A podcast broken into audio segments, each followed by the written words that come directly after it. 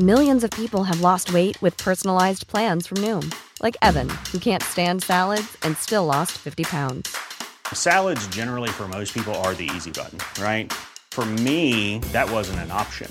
I never really was a salad guy. That's just not who I am. But Noom worked for me. Get your personalized plan today at Noom.com. Real Noom user compensated to provide their story. In four weeks, the typical Noom user can expect to lose one to two pounds per week. Individual results may vary. Good evening. There has been a nuclear accident in the Soviet Union, and the Soviets have admitted that it happened. The Soviet version is this one of the atomic reactors at the Chernobyl atomic power plant near the city of Kiev was damaged, and there is speculation in Moscow that people were injured and may have died.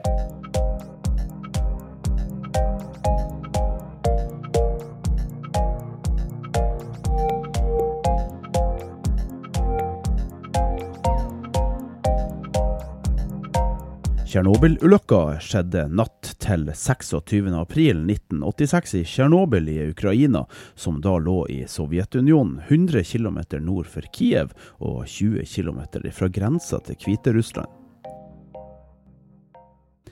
Reaktor 4 ved Tsjernobyl kjernekraftverk var den såkalte RBMK-typen, en grafittmoderert reaktor med vann som kjølemiddel.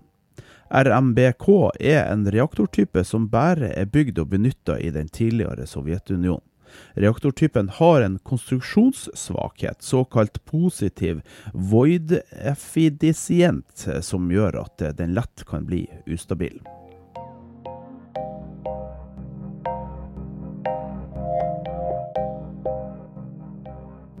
Reaktoren ble kjørt ned for årlig vedlikehold i april i 1986, og operatørene starta et eksperiment som skulle teste om restvarmen kunne opprettholde kjøling av reaktorkjernen i tilfelle strømbrudd.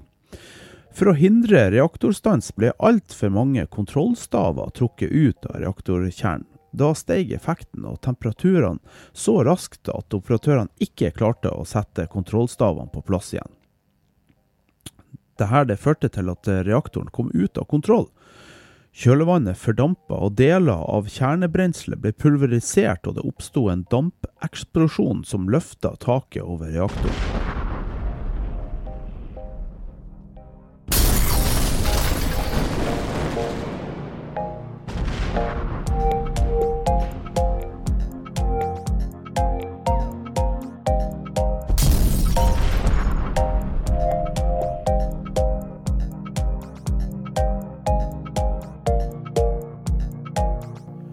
Ulykka skyldes derved både reaktorkonstruksjon og operatørfeil.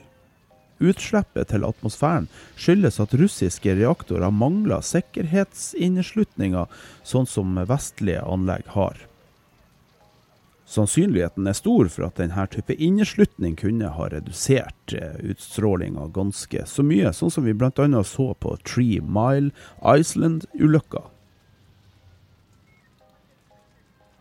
Pga. høy temperatur og tilførsel av luft oppsto en eksplosjonsarta brann av brennbart materiale i reaktorbygninga og maskinhallen.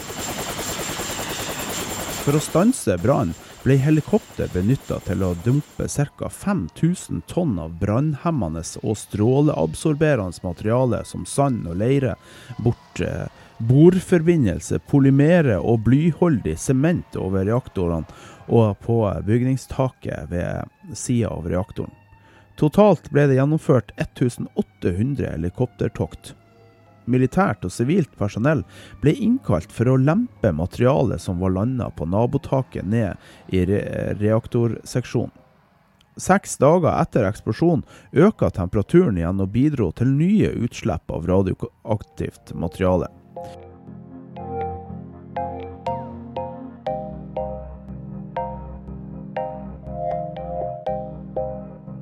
Den intense brannen fortsatte i ti dager. Pga. strålefaren så måtte mannskapene som bidro til slukkinga av brannen skiftes ut etter kort tid. Sluknings- og opprydningsarbeidet i 1986 omfatta derfor rundt 240 000 militære og sivile arbeidere. Mange brannmenn fikk omfattende brannskader, og 134 personer fikk høye stråledoser. I tillegg ble en rekke arbeidere benytta til opprydning etter 1987. Totalt ble det registrert ca. 600 000 mennesker som deltok i sluknings- og opprydningsarbeidet etter ulykka.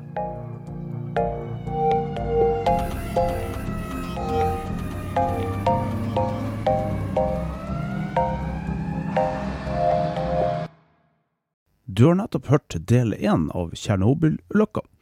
Snart skal du få høre del to. Mitt navn er Jitse, og du hører på Radio Nord-Norge. Hvis du liker det du hører, så blir vi veldig glad om du sender en femmer eller to til VIPS 52 00 48. 52 00 48. Her kommer del to. Good evening. There has been a nuclear accident in the Soviet Union, and the Soviets have admitted that it happened. The Soviet version is this One of the atomic reactors at the Chernobyl atomic power plant near the city of Kiev was damaged, and there is speculation in Moscow that people were injured and may have died.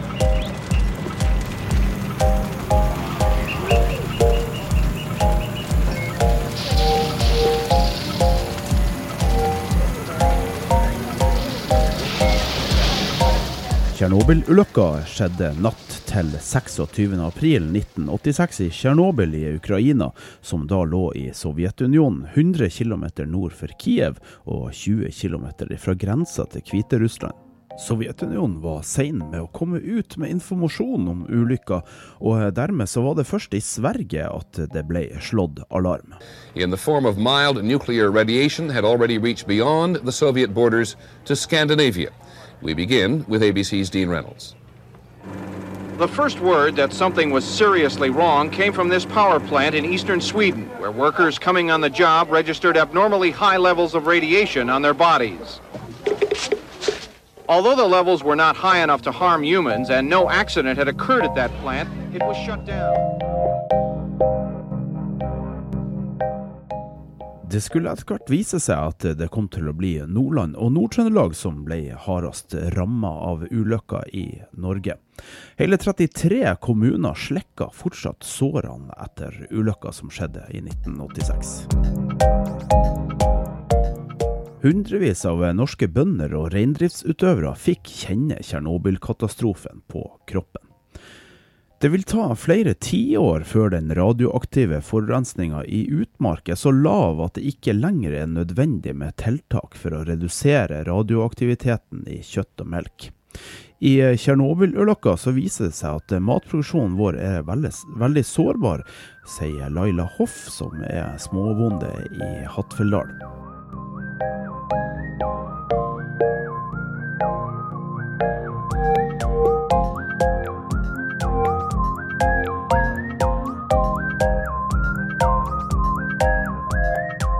Og Hattfjelldal er en av de mange kommunene hvor man eh, fortsatt må kontrollere dyrene for radioaktivt eh, cesium.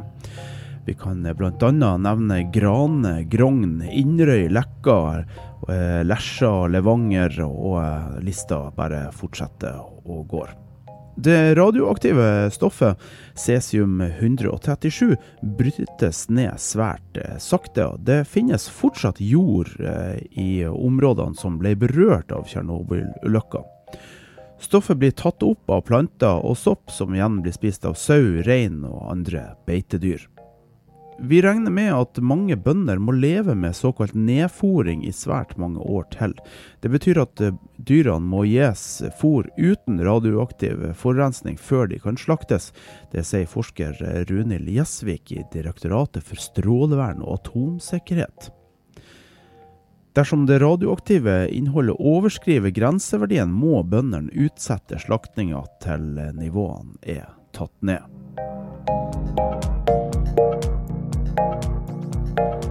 Da nedfallet kom i 1986, la det radioaktive stoffet seg på overflata til planter, lav og vann, og førte til høyere nivå i naturen. Spesielt ble det målt høye nivåer i sopp, ferskvannsfisk, reinsdyr og i kjøtt og melk fra utmarksbeitende dyr. Det radioaktive nedfallet besto av en rekke radioaktive stoffer. De fleste har kort nedbryt nedbrytningstid og er derfor ikke lenger til stede i naturen. Men eh, cesium-137 har lang nedbrytningstid, og dette stoffet vil være til stede i betydelige mengder i flere tiår fremover.